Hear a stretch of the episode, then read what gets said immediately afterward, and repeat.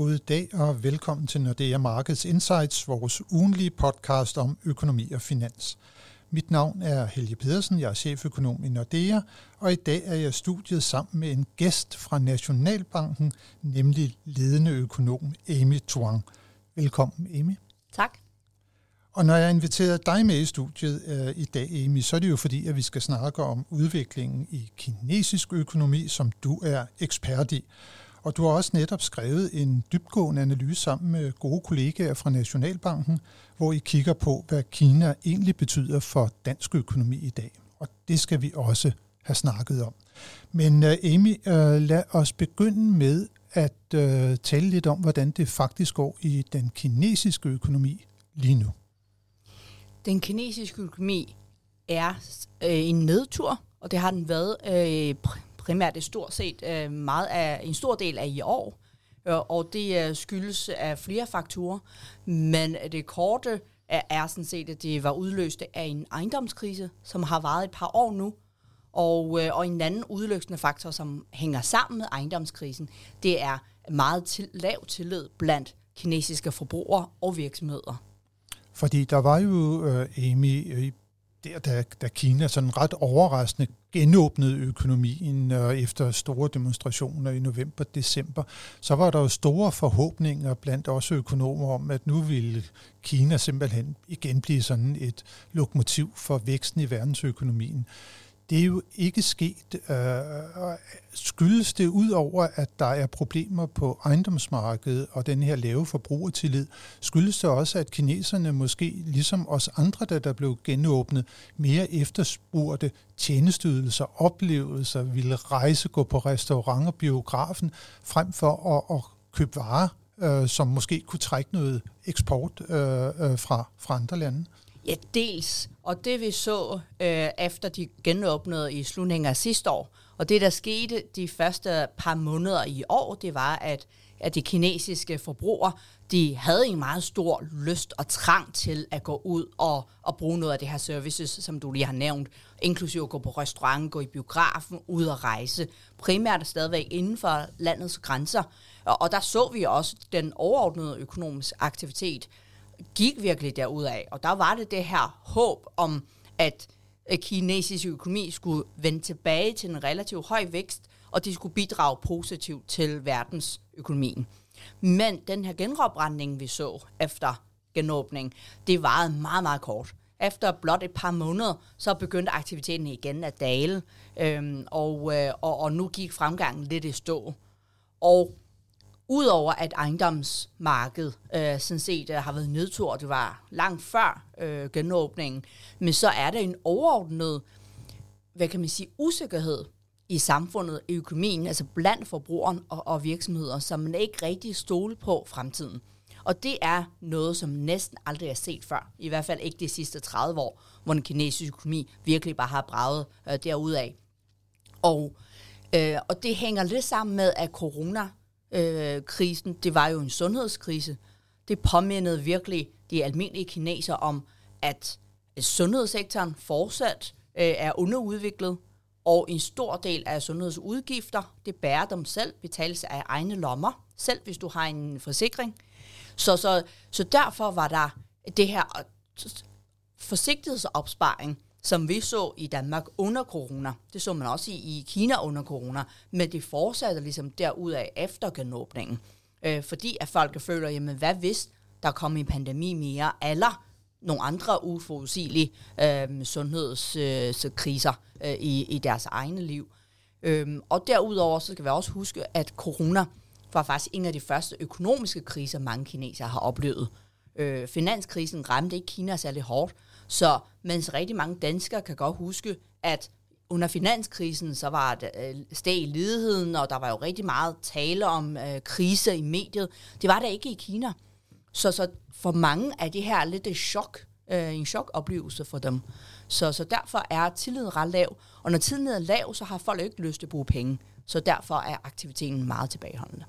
Ja, det er vel også øh, et stort problem for sådan de kinesiske myndigheder, fordi jeg kan jo huske også dengang, Amy, da, da, da du var hos os som, øh, som økonom, at der har vi snakket meget om, at man ville forsøge på at ændre vækstmodellen, altså fra at det var eksport og investeringer, der drev aktiviteten i Kina, så skulle Kina blive sådan en almindelig økonomi, hvor det var det private forbrug, som der var vækstlokomotivet, men denne her øh, pandemi, den har jo så simpelthen øh, ja, skudt det til, til Jørgens spark, om man så kan sige. Jamen fuldstændigt, men, men her skal vi huske, inden pandemien kom, så var den kinesiske økonomi i højere grad drevet af privat forbrug og servicesektoren i, i sammenlignet for eksempel med 10 år før pandemien ramte. Øh, og, og det er netop også på grund af det, der gjorde den kinesiske økonomi mere sårbar overfor lav forbrugertillid. Så når endelig forbrugerne ikke vil gå ud og købe ting og forbrugerservices, så var den kinesiske økonomi, de kunne ikke bare investere sig ud af, eller producere derud af, som de gjorde for 10-15 år siden. Og det kan måske endda ændre hele myndighedernes syn på, hvordan den økonomiske vækstmodel skal være fremover. Så det er i hvert fald øh, et af de helt store problemer lige nu for den kinesiske økonomi. Og så var der jo også, øh, Amy, som du startede med at sige, øh, hele ejendomsmarkedet, som jo igennem øh, nogle år har haft problemer, øh, men, men, men, men de har været særligt udtalte nu her på, på det seneste. Vi har jo alle sammen hørt om de her kæmpe problemer, som der har været både i, i Evergrande og, og så i Country Garden. Hvad er status egentlig på, på den kinesiske ejendomssektor? Jamen det er egentlig, at der er meget tidlige tegn på stabilisering, øh, men, men priserne er jo fortsat øh, noget lavere, end, øh, end, end hvad det har været af, af, det, øh, af det højdepunktet. Øh, Øh, jeg mener stadigvæk, at de er et fald i forhold til for eksempel for tre år siden, da de kinesiske myndigheder introducerede nogle, øh, nogle krav, øh, der, der begrænsede ejendomsselskabernes mulighed for at tage nye lån. Og der, derefter så begyndte ejendomsmarkedet faktisk at stagnere og, og det stedet falde nu her. Så priserne er faldet i forhold til for tre år siden. Aktivitet, altså transaktion, antallet af handler, er fortsat øh, på en meget lav niveau. Der er nu tegn på, måske stabilisering er, øh, er der, og bunden er nået, øh, men hvorvidt der i stedet kommer en genopretning, det er endnu for tidligt at sige. Men myndighederne, Amy, de er jo begyndt at komme med nogle tiltag, der ligesom skal forsøge på ja, stabilisere, men måske også få sat lidt, øh, lidt gang i, i ejendomshandlerne igen. Hvad er det for nogle øh, tiltag, som man, øh, man er kommet med? Det er øh, sænket øh, det her krav til udbetaling i mange byer. Øh, mange af de her ejendomsregulering, de foregår meget regionalt, enten på provinsniveau eller helt ned på individuelle byniveau. Øh, så, som man i mange provinser og byer har vi kunne se, at, at myndighederne har sænket udbetalingskravet øh, på både for, den første bolig, man køber, men også det andet. Og man har i det hele taget lempet kravene om, hvornår man må gå ud og købe en bolig. Fordi i mange større byer har der været meget streng krav på, hvis du allerede ejer en eller to, så må du simpelthen købe flere. Og disse krav er, er nu blevet lempet. Og vi ser også i visse regioner, der bliver øh, boliglånsrente også sænket. Øh, så, så det er alle sammen tiltag til for folk til at købe boliger, at få mere gang i øh, ejendomsmarkedet. Nu netop, når vi snakker om ejendomsmarkedet, vi har jo alle sammen hørt om de her sådan spøgelsesbyer, øh, som der, der har stået, altså hvor der entreprenører har været inde og bygge en hel masse, og der er aldrig nogen, der sådan rigtigt er flyttet ind i dem. Hvad er status øh, på det, Amy? Jamen det er der jo fortsat en del af, særligt ud i, altså, hvis man kan kalde det udkants-Kina, mm. øh, i de lidt mindre byer i øh, nordvestlige Kina. Men her der er det måske ikke så meget, at, at folk ikke vil flytte ind fordi en stor del af, af, af eller i hvert fald mange af disse boliger, er faktisk ikke rigtig færdigbygget, så mulighed for at flytte ind er, er ikke engang til stede. Og her skal vi også huske, at mange af disse boliger faktisk allerede er delvis betalt for, eller købt for, fordi den her model med, at folk køber boliger på forhånd, før det overhovedet er bygget, er blevet ekstremt populært i Kina. Og det gav jo stor utilfredshed øh, blandt øh, boligkøberne, og faktisk var med til at drive øh, forbrugertilliden så lav. Det er en rigtig mange boligkøbere havde betalt en øh, forudbetaling for en bolig, som de forventede måske at blive leveret i 2023 eller endda 2024, men så da ejendomsselskaberne løb tør for pengene, fordi de ikke kunne udstede nye øh, obligationer eller tage nye lån, så kunne de ikke gøre det her bolig færdig. Og, og mine kilder i Kina fortæller jo, at, at antallet af byggepladser, der står tomme og fortsat inaktive det seneste år, er simpelthen vokset markant. Så, så det er jo også noget, der gør, at øh, aktiviteten er lav. Men, men altså, tror du, der er sådan et, øh, et håb for, for ejendomssektoren i, i Kina? Altså, myndighederne kan vel næsten heller ikke leve med, at de her store øh, entreprenørselskaber, øh, at de, de simpelthen går, går nedenom og hjem? Nej, det er et dilemma. På den ene side vil det jo gerne opretholde den stabile økonomiske vækst, fordi det er vigtigt for folks tilfredsstilhed øhm, og, og for generelle noget sociale balance. Øh, og på den anden side, så vil det heller ikke bare gå ud direkte og meget hurtigt redde de her ejendomsselskaber, fordi det skaber, i hvert fald myndighederne frygter, de vil skabe en mentalitet, hvor ejendomsselskaberne så bare kan opføre sig som det vilde vilde vest, og bare forventer at blive reddet hver eneste gang, fordi de er såkaldte too big to fail. Så, så det, er en meget stor, det er en meget svær balance øh, for myndighederne simpelthen at, at, øh, at opretholde. Og, øh, og jeg tror, det seneste tegn på lempelse af regulering, det er, at myndighederne nu hælder lidt mere til øh, at, at opretholde væksten, at det er lidt vigtigere prioritet for dem. Ja, for man kan sige, at uden øh, vækst i den kinesiske økonomi, så opstår der andre problemer blandt andet på det kinesiske arbejdsmarked, og der har vi jo også fået sådan lidt meldinger om, at situationen den ikke er helt stabil øh, for tiden. Blandt andet, at man ikke længere skulle offentliggøre tal for ungdomsarbejdsløsheden. Hvad er status på, på det kinesiske arbejdsmarked lige nu? Ja, at arbejdsløshed er steget rigtig meget, øh, og, og, og det har ligget ret, øh, ret stabilt i mange år.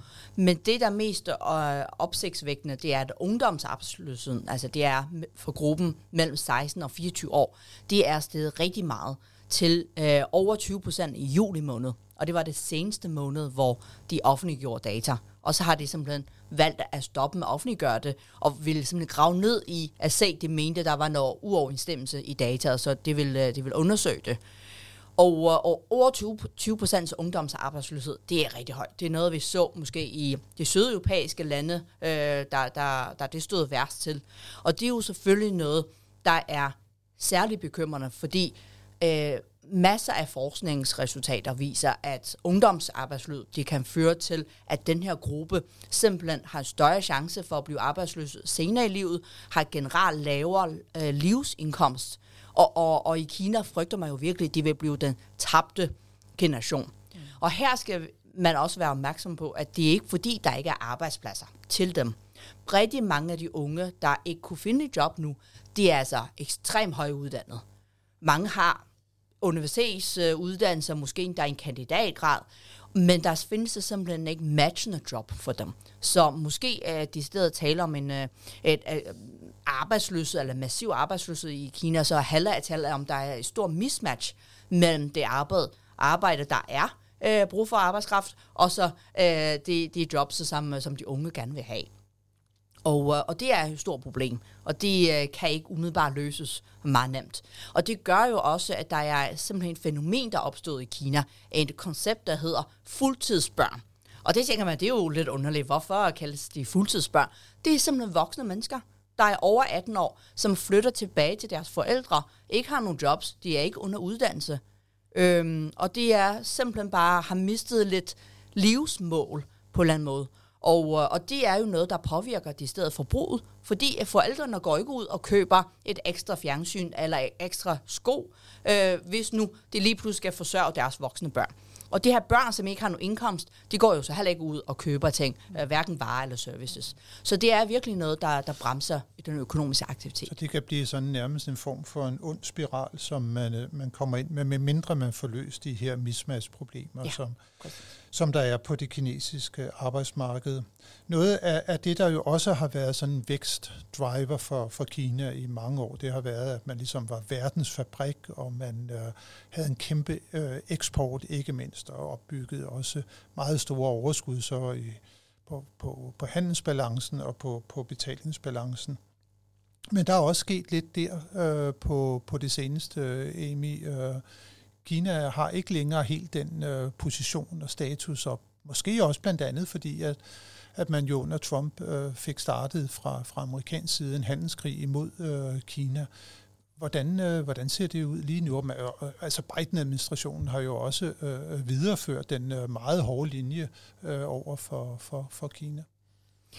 Det er, det, det er helt rigtigt. At det her handelskrigen, som har varet siden 2018, har jo virkelig påvirket Kinas øh, så status som eksportmarked. I hvert fald blandt andet Kinas eksport til USA selvfølgelig. Og, og det påvirker, hvordan globale virksomheder, alle virksomheder, amerikanske, europæiske, men endda også kinesiske virksomheder, hvordan de planlægger deres forretningsmodeller. Øhm, og det er jo en model, som er virkelig blevet populær og blevet kaldt nu China Plus One øh, strategien for virksomheder. Det er rigtig mange virksomheder opretholdt en form for produktionsfacilitet i Kina, som primært øh, skal servicere det kinesiske marked. Så de producerer i Kina for at sælge til Kina. Men også rigtig mange af dem har flyttet eller investeret i andre produktionsfaciliteter i enten andre lande i, i Asien, i Europa eller endda i, uh, i Sydamerika. Øhm, og det er en tendens, som, som, uh, som jeg tror vil fortsætte. Det her lidt mere en clustering af, af verdens uh, sige, produktion, så det ikke er så meget koncentreret i Kina. Og jeg vil ikke sige her, at det kun skyldes handelskrigen uh, mellem USA og Kina. Jeg tror, at coronapandemien og det her meget stor forstyrrelse, eller en, en langvarig forstyrrelse i forsyningskæderne, har også påvirket virksomhedstænkning. Øh, For under corona, så har Kina haft nogle meget hårde nedlukninger, mm. hvor nogle meget store, blandt verdens største havne, har været lukket ned eller har i hvert fald været under meget, meget hårde øh, regler for, hvornår en øh, skib må komme ind og ud, og alle de her forskellige screening for corona.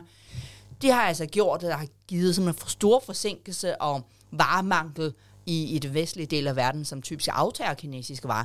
Og det tror jeg også påvirker rigtig mange virksomheder, der tænker, jamen, hvis nu Kina kunne lige pludselig lukke ned på den måde, det er en stor risiko mm. for vores virksomhed og vores forretning. Så derfor må vi hellere tænke lidt på, hvordan kan vi diversificere.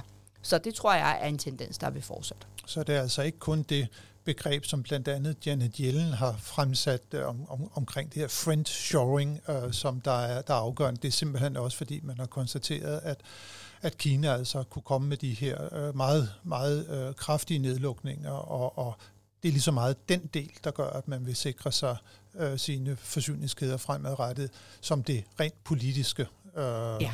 som, som gør sig gældende. Ja, fuldstændig. Så, men, men Amy, når vi nu snakker nu her omkring øh, blandt andet handelskrig, og, og den, den, den, den spidser jo til også på sådan den teknologiske front, og Kina udfordrede, og kan man jo sige, også USA noget med sit uh, Made in, in China 2025-program, uh, uh, hvor i, der jo direkte var en erklæring om, at Kina skulle være verdens førende teknologination i 2025, og det var noget, som i hvert fald amerikanerne de tog ret ilde op for det betyder også rent, rigtig meget sådan rent sikkerhedspolitisk, ikke? fordi hvis man er den førende teknologiske magt, så har man også øh, øh nogle fordele sådan rent øh, militærmæssigt, øh, øh, og det er ikke det, vi skal snakke om nu, men vi skal snakke om Kinas øh, ambitioner øh, på øh, teknologifronten. At de, øh, altså det er jo snart 2025, øh, at, at bliver de opfyldt? Det er lidt svært at sige på ordnet plan. Øh, mere eller mindre øh, bliver det faktisk opfyldt. Og på nogle enkelte sektorer, og der er det allerede, altså at Kina har en førerposition inden for rigtig mange af de her højteknologiske. Øh, fordi på mange af, inden for quantum computer eller kunstig intelligens, der er det faktisk en statshemmelighed til at vide helt præcis, hvor langt det er kommet. Men virksomheder og folk, der er i erhvervslivet, de siger jo, at Kina er virkelig noget langt. Øhm, og, øh, og, og det ved vi jo også, øh, hvis vi kigger på forskellige data, men øh, inden for den grønne omstilling, øh, hvor, som er jo meget teknologisk tungt, øh, der har Kina virkelig noget langt. Kina har investeret meget målrettet og massivt inden for hele værdikæderne inden for øh, grønne omstilling. Øh, både helt fra øh, udvinding af råvarer, helt til at øh, skulle sælge og, og installere alle standarder til alle biler.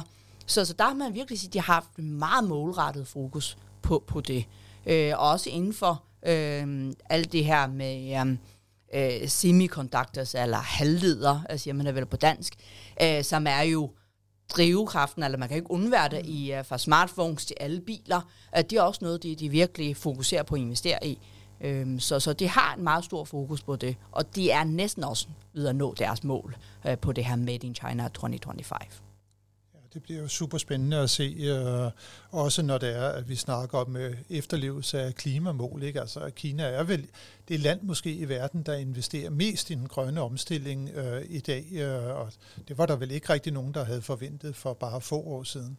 Nej, og det er jo derfor, at, at man fortsat har brug for at samarbejde med Kina, fordi ingen lande kan jo rigtig nå det her klimamål alene. Og, og klima øh, eller forurening af luft, især i luften, øh, det, det ved man, det er jo et globalt ting. Enten så sidder vi alle sammen i det, eller så skal vi alle sammen få prøve at gøre vores del for at forbedre det. Så, så her er det jo positivt, at Kina gør sin del, og der er det også vigtigt, at, vi, at den vestlige lande hvad kan man sige, samarbejder med Kina på den front.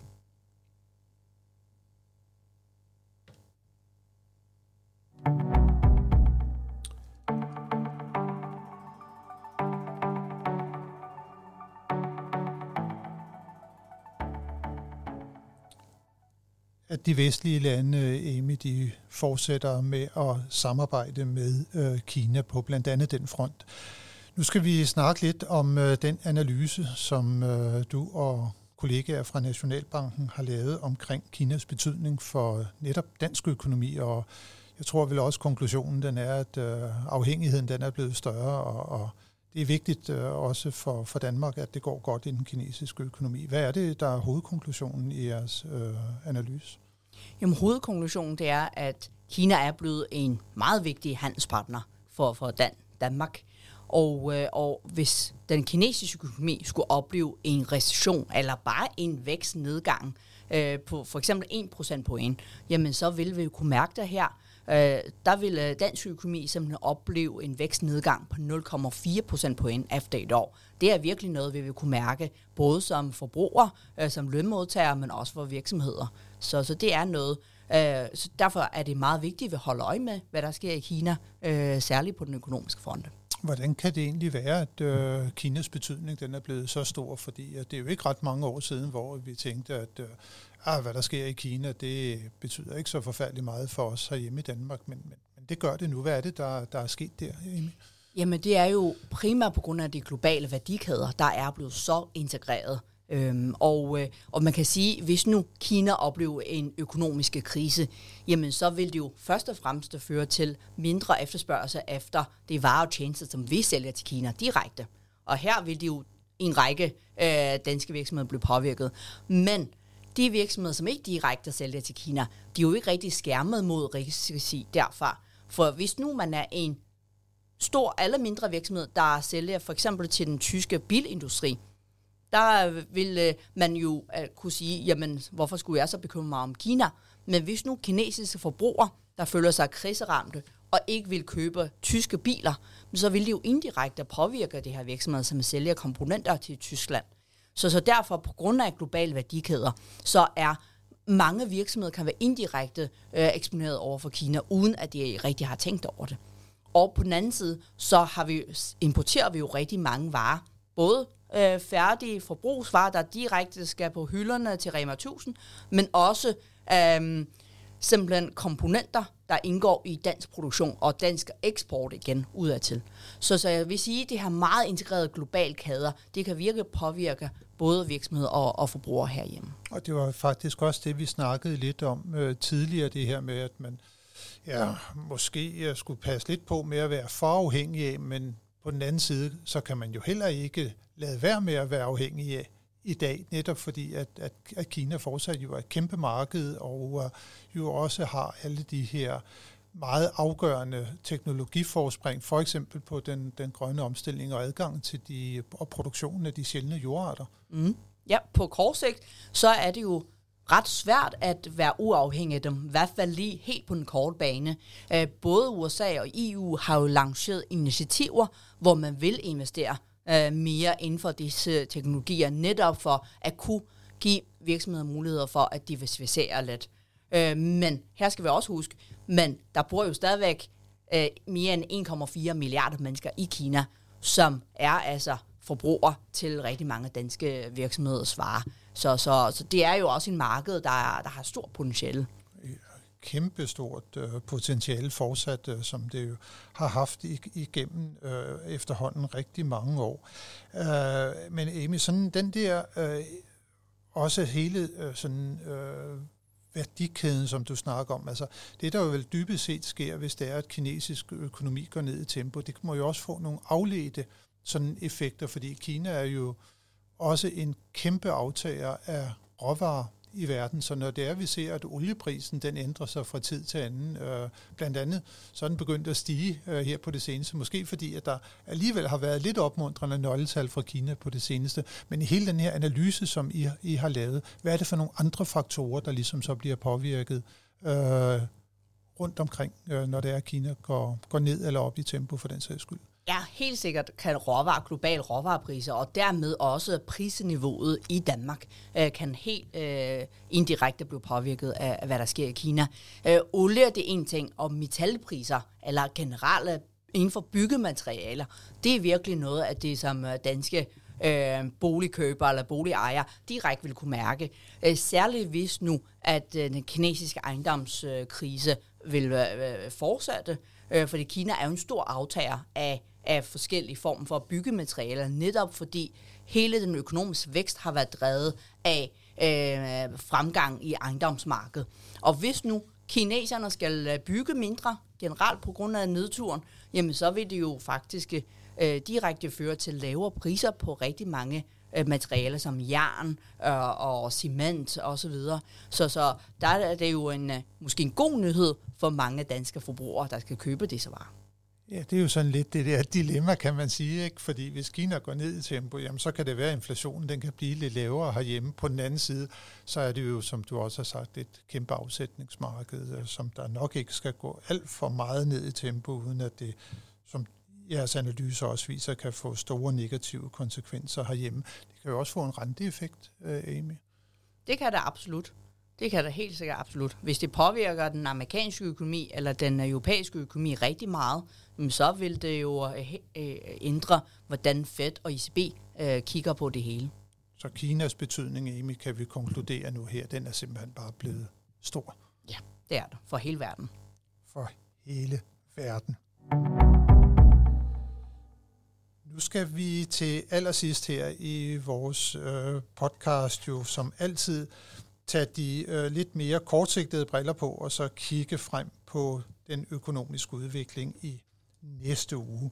Og der er det sådan, øh, især mod slutningen af ugen, øh, fredag den 6., hvor der kommer et øh, nøgletal, som der vil påkalde sig kæmpe stor opmærksomhed.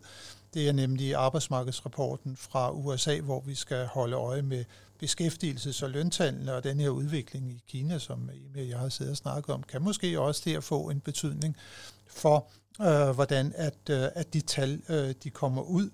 Og så har vi altså også øh, i begyndelsen af ugen, der får vi ISM-tallet. Det viser noget om, hvordan det går i den amerikanske fremstillingsindustri, og der er det jo også mange gange netop nøgletal fra, fra Asien, som der kan være gode ledende indikatorer for, hvordan det kommer til øh, at gå. Og øh, Amy, ikke fordi vi skal snakke om nøgletallene her som sådan, men øh, der har vel været en smule opmuntrende nyt fra netop Asien på det seneste. Altså ser man på udviklingen i PMI-tallene i emerging markedsøkonomier, BRICS-økonomierne i Asien i almindelighed, så er de faktisk peget noget opad, mens de jo her i de avancerede øh, økonomier, så, så er det været direkte i hullet. Ja, der er måske tegn på, at de begynder, situationer begynder at vende. Øh, der er øh, måske blandt andet derfor, at vi har nogle øh, andre emerging markets økonomier, der faktisk er begyndt at sænke rente. Blandt andet Brasilien, men også Polen. Så, så her uh, viser det, at de er begyndt at gå altså en anden vej. Og, og det er lidt interessant, fordi de begyndte faktisk også at øh, hæve renten noget før nogle af de større avancerede økonomier. Så hvorvidt om det er en ledende indikator, det får vi se. Det kommer vi til at få at se, men i hvert fald som vi har været inde på også her, der har været tale om faldende råvarepriser i forhold til, hvor vi var for et år siden. Energipriserne er lavere. Det får vi så også lidt øh, mere at vide om, når det er, at vi kommer frem til onsdag, fordi der får vi nemlig PPI-tallene for euroområdet. Det bliver meget spændende at se. Det er producentprisindekset, altså de priser, som øh, der går fra producenterne ud til det næste led i værdikæden, og de har jo været øh, direkte i det negative territorium over de seneste par, par måneder, så det bliver spændende at se, om det også kommer til at fortsætte, og så endelig øh, den fjerde, der får vi så også øh, tallet for servicesektoren i, i USA, øh, ISM Non-Manufacturing hedder det. Så det bliver altså en uge, hvor der især kommer til at blive fokus på amerikanske nøgletal, og altså ikke mindst arbejdsmarkedsrapporten, kongetallet, som kommer på fredag. Men her til allersidst, Amy, så vil jeg sige tusind tak øh, til dig for, at du ville komme her og gøre os alle sammen klogere på, hvad der sker i den kinesiske økonomi. Det har været en sand fornøjelse at have dig her. Og øh, så vil jeg også sige tak til alle jer, som har lyttet med, som det håber vi også, at de vil gøre, når vi er tilbage med nyt fra de finansielle marked igen i næste uge. thank you